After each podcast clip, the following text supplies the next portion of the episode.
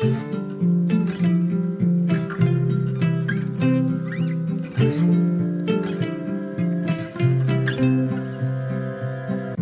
och välkommen till For Health med Anna Sparre. Här pratar vi om en riktig bov i mångas hälsobesvär, mögel och mögeltoxiner.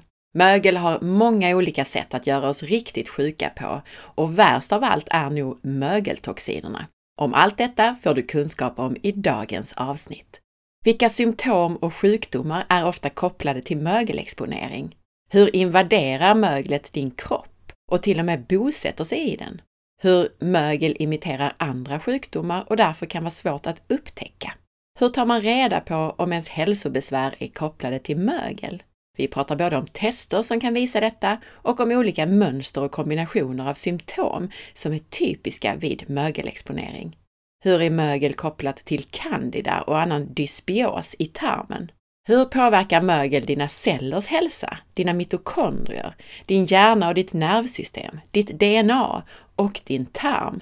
Och så pratar vi såklart massor om vad man gör åt problemet om det visar sig att mögel och eller mögeltoxiner ställer till oreda i din kropp.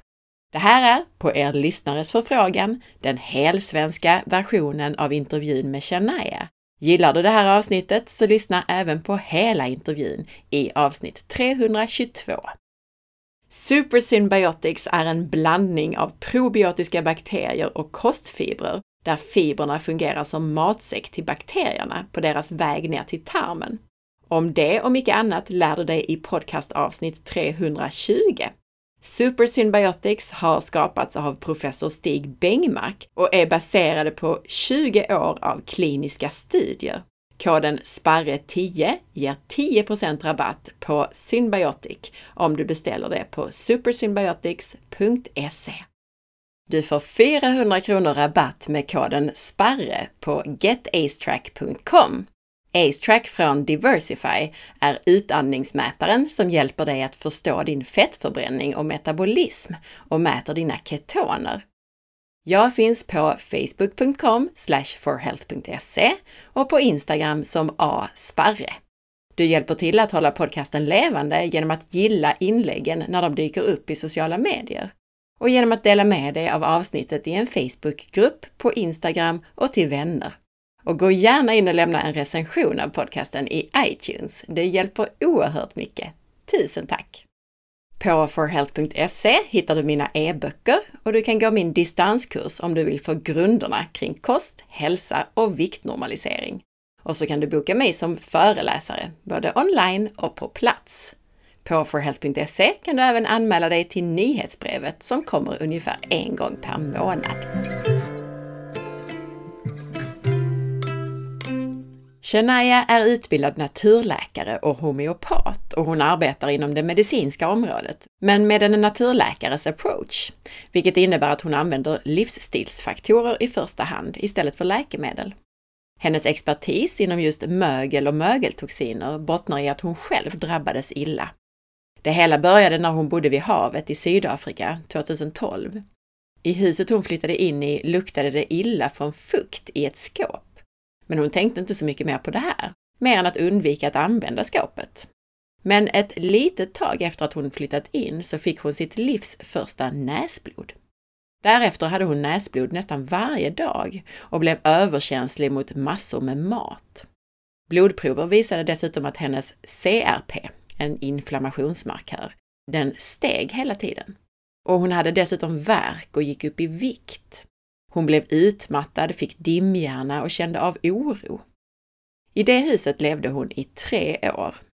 Därefter så drabbades hon av en vattenskadad bil som möglade rejält. När hon insåg detta, att hon hade blivit exponerad för den här mögliga bilen, så åkte hon till kliniken där hon själv jobbade och såg till att få behandling med ozon och med intravenös C-vitamin och glutation. Men tre månader efter att hon exponerades för bilen så drabbades hon av ryckningar och skakningar och hon kunde inte längre röra kroppen medvetet, inte ens prata. Hennes blodtryck hade skenat i höjden och hon blev inskriven på sjukhus.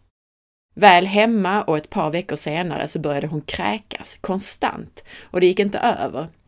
Shania beskriver hur möglet hade attackerat vagusnerven. Men under de tre åren innan det kulminerade och hon riktigt förstått vad som hade pågått så hade hon utvecklat många symptom, inklusive astma. Därefter så började en lång resa för att bli bättre.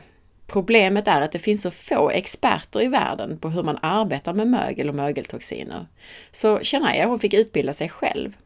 Och hon insåg att hon träffade massor med patienter med samma symptom som hon själv hade upplevt de här tre åren innan hon förstod allvaret med det fuktskadade huset. Mögel är klurigt för man kan drabbas av möglet i sig och få en allergisk reaktion mot sporerna från mögel. Mögelallergi är vanligt. Sen är det också ångorna från möglet, MVOC kallas detta, som kan trigga astma till exempel. Och så mögeltoxiner som kan trigga verkligt allvarliga sjukdomar, inklusive neurodegenerativa sjukdomar som MS, Parkinsons och ALS. Dessutom kan mögelexponering leda till hormonella besvär, till missfall och fertilitetsproblem. En av de viktigaste sakerna Shania har gjort sedan dess, det är att skaffa ett nytt hus. Hon var noga med att välja ett hus utan fuktskador, utan heltäckningsmatta och med mycket fönster och dörrar. För en av de viktigaste sakerna att göra för att undvika mögelsporer i luften, det är att vädra massor. Varför drabbades inte hennes man? Det gjorde han, men han fick så milda symptom att han inte reagerade på vad det var. Han har bland annat väldigt bra gener när det gäller förmåga till detox i jämförelse med Shania. Vi är alla väldigt olika känsliga. Nu för tiden vet Shania att hennes första symptom, det är att det börjar klia när hon har blivit utsatt för mögel. Man kan testa reaktion mot mögel. Man testar då olika sorters antikroppar. IgE visar om man utvecklat allergi mot mögel. IgG som visar om man exponerats i dåtid och som också gör en väldigt känslig om de här är förhöjda. IgG-antikropparna alltså. Också IgA som visar nuvarande exponering. Vi kommer att prata mer om detta med tester senare i avsnittet. Shania hon har väldigt höga IgG-värden fortfarande mot många olika sorters mögel. Vad är då mögel? Shania beskriver det som anything fungal, alltså allt som är svamp och kan växa på dig och i dig. Mögel är ett samlingsnamn på mikroskopiska svampar som växer i form av flercelliga grenade trådar. Till skillnad från gästsvamp som är mikroskopiska svampar som lever som ensamma celler. Många olika svampar kan bilda mögel, så det kan inkludera bland annat candida som kan leva i dig, men även andra sorters svamp som både kan leva i dig och utanför dig. Mögel trivs på saker som lätt bryts ner, både dött och levande material. Mögeltoxinerna de produceras av möglet inte bara för att möglet vill försvara sig, utan för att bryta ner olika ämnen. Just candida är intressant eftersom mögel producerar ämnen, mögeltoxinerna, som gör miljön bra för candida. Så ofta samexisterar mögel med just candida. Så när personer med mögeltoxiner i kroppen försöker behandla candida, gästsvampen candida i tarmen till exempel, så lyckas de ofta inte om de inte tar tag i själva orsaken bakom. Det man exponeras av från mögel, det är både sporer, ångor och så mögeltoxiner. Mykotoxiner, mögeltoxiner, är det värsta. De används som sagt av mögel för att bryta ner saker och för att försvara sig. Mögeltoxiner är väldigt små men mycket farliga toxiner, gifter. De kan till och med förändra vårt DNA och de är mycket cancerframkallande. Om man själv försöker angripa mögeltillväxt så kommer möglet försvara sig och avge mer sådana här mögeltoxiner. Och att de är så små gör att de tar sig igenom i stort sett allt. Även om du inte har ett fuktskadat hus utan bara får lite mögeltillväxt av lite fuktig smuts någonstans, så måste du skydda dig själv ordentligt med handskar och mask med mera om du ska ta bort detta. Och du måste också rena luften. Ozon är ett sätt att rena från och döda mögel, men ozon är också farligt för djur och människor, så man måste hantera det på rätt sätt. Luftrenare är något som Shania rekommenderar och själv använder. Och så ska man veta att air conditioners ofta är källor för mögel. Mögeltoxiner påverkar alltså vårt DNA, de är cancerframkallande och kraftigt hormonstörande. Exponering för mögeltoxiner gör alla symptom på andra sjukdomar värre. Om du till exempel lider av symptom av borrelia och har svårt att bli frisk från det, så finns det antagligen mögel som hindrar ditt immunförsvar från att göra dig frisk. Men här kommer en lista på vanliga symptom från mögeltoxiner. Suddig syn, autoimmunitet, ledvärk, utmattning, huvudvärk, nedsatt hörsel, viktförändringar, metallisk smak i munnen, kognitiva besvär som hjärndimma, förvirring, minnesförlust, humörförändringar, oro och depression, sömnbesvär, inflammation, magproblem som överkänslighet, uppstötningar, diarréer och så vidare. Avdomningar och stickningar i fingrar, ljuskänslighet, näsblod, men även blödningar på andra ställen, så lättblödlighet egentligen. Pollenallergi, överdriven törst och urinering eftersom mykotoxiner kan blockera hormonet ADH som reglerar vätskebalansen. Hudproblem inklusive eksem, akne och mjäll. Låg kroppstemperatur, hosta, PMS, missfall. Det finns ett särskilt mögeltoxin som liknar östrogen och som binder till östrogenreceptorer och ger hormonella besvär. Hormonstörande mögeltoxin finns mycket i olika sorters gryn, alltså gryn och frön och så vidare, särskilt majsprodukter. Men det här finns också i animalier om djuren vi äter är uppfödda på spannmål. Alltså i djuren, animalierna vi äter så kan det finnas hormonstörande mögeltoxin om djuren har ätit detta i sitt foder. Och mögeltoxiner de påverkar också aptitreglerande hormoner och melatonin, serotonin med flera hormoner och signalsubstanser. Mykotoxinerna de är antibiotiska och skapar dysbios, obalans i tarmfloran. De dödar bra bakterier och ger utrymme för sämre mikroorganismer. Mögeltoxiner ackumuleras i kroppen. De är mycket små och fettlösliga och ansamlas därför i fettvävnad och också i andra ställen med fett i kroppen, inte minst i nervvävnad eftersom nerver ju har ett fetthölje i form av myelin. Det är därför som många neurologiska sjukdomar kan kopplas till mögel och mögeltoxiner. Det är alltså en disaster så att säga för nervsystemet och hjärnan som ju består av alla de här nervcellerna med det här myelinet, fetthöljet. En varning också för snabb viktnedgång om man har mögeltoxiner ansamlade i kroppen eftersom de här då frigörs och kan trigga igång sjukdomar som till exempel autoimmuna sjukdomar. Även om du blir av med mögel så stannar mögeltoxiner kvar i omgivningen och i kroppen. Så även om man dödar möglet så att säga så finns de här giftämnena kvar. Olika mögelsorter de kan ha olika effekt. Patogena mögelsorter, sjukdomsframkallande mögelsorter, det är de som producerar mykotoxiner och eller är de då sjukdomsframkallande för att de bosätter sig i våra kroppar. Men andra effekter är ju till exempel att vi kan bli allergiska mot möglet, som vi var inne på tidigare. Vilka är de allra vanligaste symptomen? Det varierar mycket från person till person, men det finns mönster och kombinationer av symptom att vara uppmärksam på. Till exempel om man har hudbesvär och neurologiska besvär och allergier. Om man då dessutom har blödningar som till exempel näsblod eller tunga mensblödningar så brukar det vara typiska symptom på mögel. Eller om man plötsligt drabbas av oro eller ångest i kombination med stickningar i fingrarna. Detta kan dock också vara B12-brist. Symptomen efterliknar som sagt symptomen på många andra sjukdomstillstånd. Så det kan ta tid att förstå att det är mögel som spökar.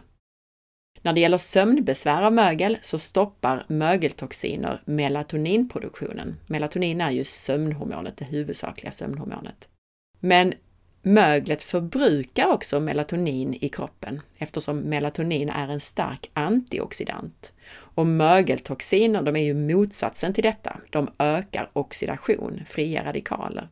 Så ett annat mönster att vara uppmärksam på är i hälsotester om man har inflammation i kombination med lågt melatonin och starkt behov av glutation. Glutation är ju också en stark kroppsegen antioxidant och den används också i kroppens detox, biotransformationen, som du kan lära dig mycket mer om i avsnitt 112, 114 och 116. Mitokondrier och cellernas energiproduktion då? Mögeltoxinerna är supergiftiga för mitokondrierna, vilket är anledningen till att utmattning och dimhjärna är vanliga symptom. Så en viktig del i att bli bättre är att jobba inifrån cellen och ut, att stödja cellen, mitokondrierna och energiproduktion och samtidigt stödja detox med till exempel bastu och att ta tillskott av så kallade binders som binder upp mögeltoxinerna och kan hjälpa dig föra ut dem ur kroppen. Här hjälper det också att göra tillfrisknandet i lagom takt för att inte bli sjuk av själva processen. I tarmen så kan man ha gästsvamp, som candida till exempel, men man kan också ha mögel som växer till sig i kroppen. Tittar man i ett avföringsprov så är det framförallt candida och liknande som man ser. Men de är vanligen inte orsaken till problemen, utan de är där som opportunistiska mikrober som gynnas av miljön. Men själva mögelproblemen beror i regel på att mögel växer till sig i lungor och bihålor snarare än i tarmen. Däremot så kan ju till exempel gifterna då från möglet göra att miljön i tarmen blir gynnsam för candida och andra opportunistiska mikrober. Mönster att hålla utkik efter i ett avföringsprov som kan indikera problem med mögel och mögeltoxiner.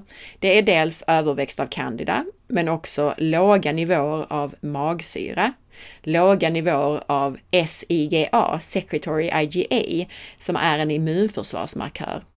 Helt enkelt för att immunförsvaret inte orkar med allt när man är exponerad och drabbad av mögel. Också ett högt kalprotektin som också är en inflammationsmarkör som är vanlig i inflammatoriska tarmsjukdomar, att den är hög. Man kan som sagt vara allergisk mot mögel och symptomen är då just allergiska symptom som rinnande näsa, hosta, klåda, eksem och så vidare. Medan mögeltoxicitet, alltså att man drabbats av mögeltoxinerna, de ger de ofta allvarliga symptom som vi har pratat om tidigare. Man kan också ha båda samtidigt och man kan dessutom reagera på ångorna från mögel. Hem, bil och skola eller arbetsmiljö är de vanligaste och största källorna för mögelexponering. Dessutom så är det vissa sorters mat som oftare innehåller mögeltoxiner, såsom spannmål och andra gryn, kaffe, alkoholhaltiga drycker som vin, jordnötter och jordnötssmör. All mat som har stått öppen ett längre tag eftersom det exponerats för mögelsporer i luften är också en källa för mögel och mögeltoxiner. En del mat möglar lätt. En sak som hjälper det är att tvätta grönsaker i vatten med syra i. Alltså att man tillsätter till exempel ett par matskedar äppelcidervinäger i vattnet när man tvättar grönsakerna. Förutom att skala dem som man också kan göra. För genomsnittspersonen, om man upptäcker till exempel en morot med små prickar på i en påse, så är det antagligen tillräckligt att slänga den eller skära bort ordentligt och sedan tvätta resterande morötter. Men för någon som Shania som redan drabbats av problem så räcker inte detta. Shania betonar också att du behöver ta reda på vilket eller vilka mögeltoxiner just du behöver vara noggrann med att undvika. Alltså om du har ett överskott, en ansamling av ett visst mögeltoxin i kroppen, så behöver du undvika livsmedel som oftare innehåller just detta. Vi pratar också om livsmedel som man faktiskt framställer med hjälp av mögel. Blåmögelost innehåller faktiskt ett mögeltoxin som vi också tittar på i våra tester. Men just detta mögeltoxin är det som är minst skadligt av de vi testar. Men mat är inte huvudkällan för mögelexponering. Det är att leva i det och andas in det. Mögel växer gärna till i diskmaskinen, i tvättmaskinen och så vidare. Shania rekommenderar att man kan använda borax, alltså natriumsalt av borsyra, i till exempel diskmaskinen. Bra att veta är också att det finns ofarliga mögelsorter. Det varierar alltså mycket beroende på sortens mögel och beroende på personen, hur känslig man är och om man exponerats för mögel tidigare. Shania tar upp några olika sorters mögel. Penicillium eller penselmögel kan till exempel växa till sig på citrusfrukter. Ofta ser det vitgrönt ut. Ser man detta behöver man inte utrymma huset utan kasta frukten som möglat och tvätta fruktskålen. Men det producerar flera giftiga mögeltoxin som man definitivt ska undvika. Okratoxin A är en av de vanligaste mögeltoxinerna som dyker upp i våra tester. Förutom att det finns i vattenskadade byggnader så är det också vanligt förekommande i kaffe och i vin. Och just detta mykotoxin är associerat med Parkinsons sjukdom bland annat. Om man vill testa för mögeltoxiner så finns det ett urintest som heter Mycotox. Detta är kanske det allra viktigaste att testa när man misstänker mögelexponering. Och för att testa exponering för mögel och för mögelallergi så finns det ett blodprov som kallas för Expanded Mold Panel. Men även Organic Acids-tester, som Organics, ger bra svar. Inte minst för att de visar på den oxidativa stressen och hur mitokondrierna mår, det vill säga de saker som mögel påverkar väldigt mycket. De här tre testerna, Mycotox, Expanded Mold Panel och Organic Acids tester, ger en bra bild. Utöver detta så beror det på personen och de symptom som man har. Det är alltid bra att göra ett avföringsprov, till exempel ett GI-map, för att titta på matsmältning, tarmflora, candida och så vidare, som ju påverkas av mögel. Är det hormonella besvär så är det bra att utöver de här testerna även göra ett så kallat Dutch-test, som är ett test som ger en omfattande bild över hormoner och hur hormonerna bryts ner i din kropp. Och alla de här testerna, de går att hitta och beställa på forhealth.se under hälsotester. Utöver detta så är det bra att ta ett CRP-test, det vill säga den inflammationsmarkör som vi pratade om tidigare. Och det här är ett vanligt blodprov som man kan få i vanliga vården. Det brukar inte vara några problem att få det taget där. Och även ferritin, som man brukar prata om som järnlager, som också är ett vanligt blodprov som man lätt får i den vanliga vården. Det kan också vara värt att ta. För ett förhöjt CRP och ett högt ferritin, det är tydliga tecken på inflammation. Okej, okay, man har symptomen, man testar och får bekräftat att man har mögeltoxiner i kroppen. Vad gör man åt det? Shania poängterar bastu som ett av de bästa verktygen för att detoxa. Inte bara mögeltoxiner utan allt möjligt. Shania själv har en IR-bastu och hon har dessutom luftrenare och även avfuktare i sitt hem. Du behöver i första hand se till att din miljö är ren, för det spelar ingen roll vad du gör med din kropp och din mat om du fortsätter att exponeras för mögel. Och hittar man inte själv källan så behöver man hyra in någon som gör det, någon som inspekterar ditt hus. Sen behöver man hjälpa kroppen att få ut mögeltoxinerna, gärna bland annat med bastu. Shania beskriver att hon fick muskelvärk och ledvärk dagarna efter att hon hade bastat i början. Men det berodde på att kroppen gjorde sig av med toxinerna. Och efter ett tag så mådde hon inte längre dåligt efter att hon hade bastat. Shania beskriver också att hon hade svårt för att svettas i början. Personer med dålig förmåga till detox svettas inte. En annan viktig punkt här, det är att använda sig av så kallade binders, alltså ämnen som binder upp mögeltoxinerna och hjälper kroppen att föra ut dem ur kroppen. När kroppen lyckas utsöndra de här toxinerna, kanske hela vägen ut till tarmen, så gäller det att du inte återabsorberar dem. Då är det viktigt med de här bindemedlen, binders. Shania använde själv kolesteramin några månader, vilket är ett läkemedel, men som kan ha många biverkningar. Ett bra alternativ till detta är att använda aktivt kol. Shania nämner också lera, till exempel zeolitlera, men jag betonar här att Dr. David Brownstein berättade i avsnitt 284 om hur all sån lera som han testat varit full av tungmetaller, så han avrådde starkt från att använda produkter baserade på lera. Saccharomyces boulardii, som är en sorts probiotisk gästsvamp som ofta används vid tarmproblem, är faktiskt också ett bindemedel. NAC, N-acetylcystein, likaså. Kalcium deglukarat är något som är användbart vid detox från mögel. Och en kommentar från mig angående kalcium deglukarat är att det här är ett tillskott som vi gärna använder vid förhöjda nivåer av det ämne som kallas för betaglukuronidas. Och det mäts bland annat i GI-MAP. Och då använder man kalciumdeglukarat just eftersom betaglukuronidas gör att vi återabsorberar saker ur tarmen som egentligen skulle utsöndrats ur kroppen. Och kalciumdeglukarat kan förhindra detta. När det gäller binders så tas de generellt inte med mat eller tillskott eller med läkemedel. Och detta för att de inte ska binda upp det som vi faktiskt vill absorbera ur tarmen. Däremot kan man aktivt välja att ta dem med mat som man är känslig för, för att maten innehåller mögeltoxiner. Shania till exempel, som är känslig för mögeltoxinerna i kaffe, kan ta en kopp vanligt kaffe om hon samtidigt använder aktivt kol som ett sånt här bindemedel. Men generellt tar hon sina binders bindemedel när hon bastar och på kvällen innan sänggåendet. Att generellt stödja de processer som pågår i fas 2 detox, såsom konjugering till glutation och metylering, det är viktigt. Om du vill förstå mer om vad det här betyder så lyssna på mina utförliga podcastavsnitt om detox i verkligheten. Där får du lära dig allt om alla faser i, i detox och i levern och så vidare. Och det är avsnitt 112, 114 och 116.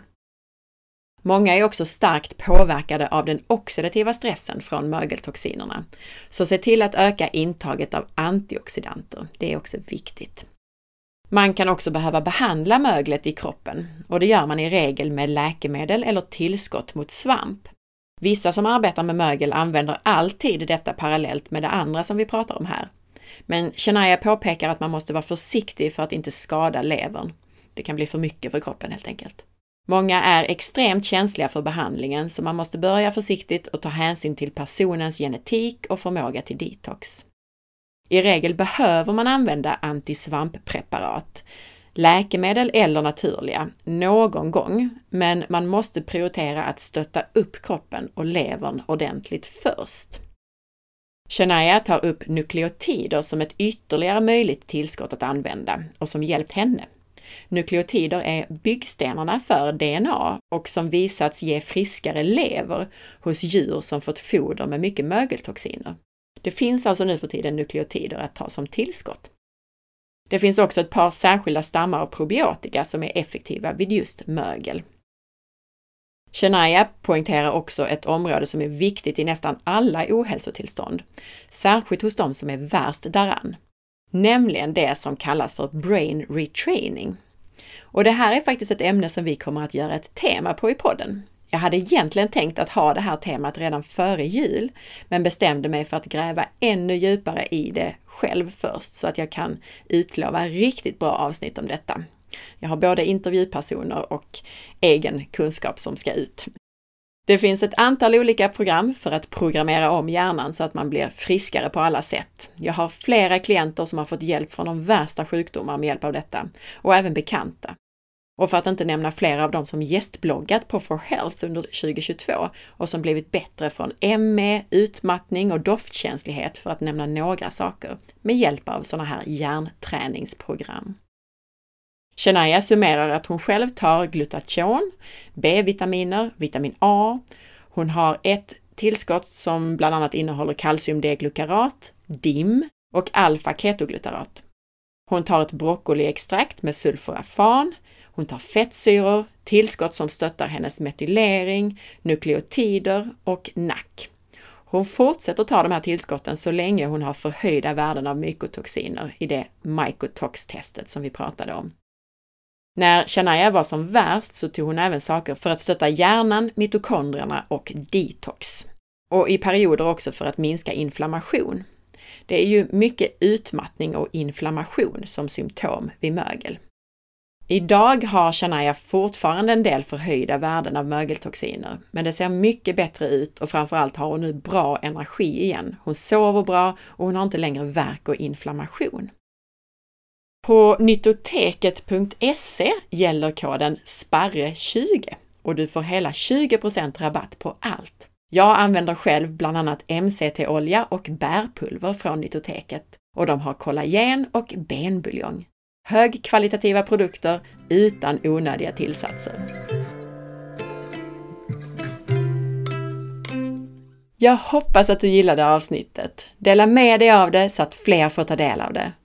Är du ny med att lyssna på podcasten? Missa då inte avsnitt 300 som heter Börja här och som guidar dig rätt.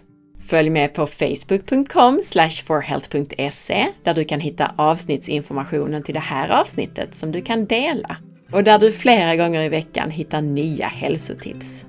Följ också mig på Instagram via asparre och titta in på bloggen på forhealth.se. Ha nu en fantastisk dag så hörs vi snart igen. Hej då!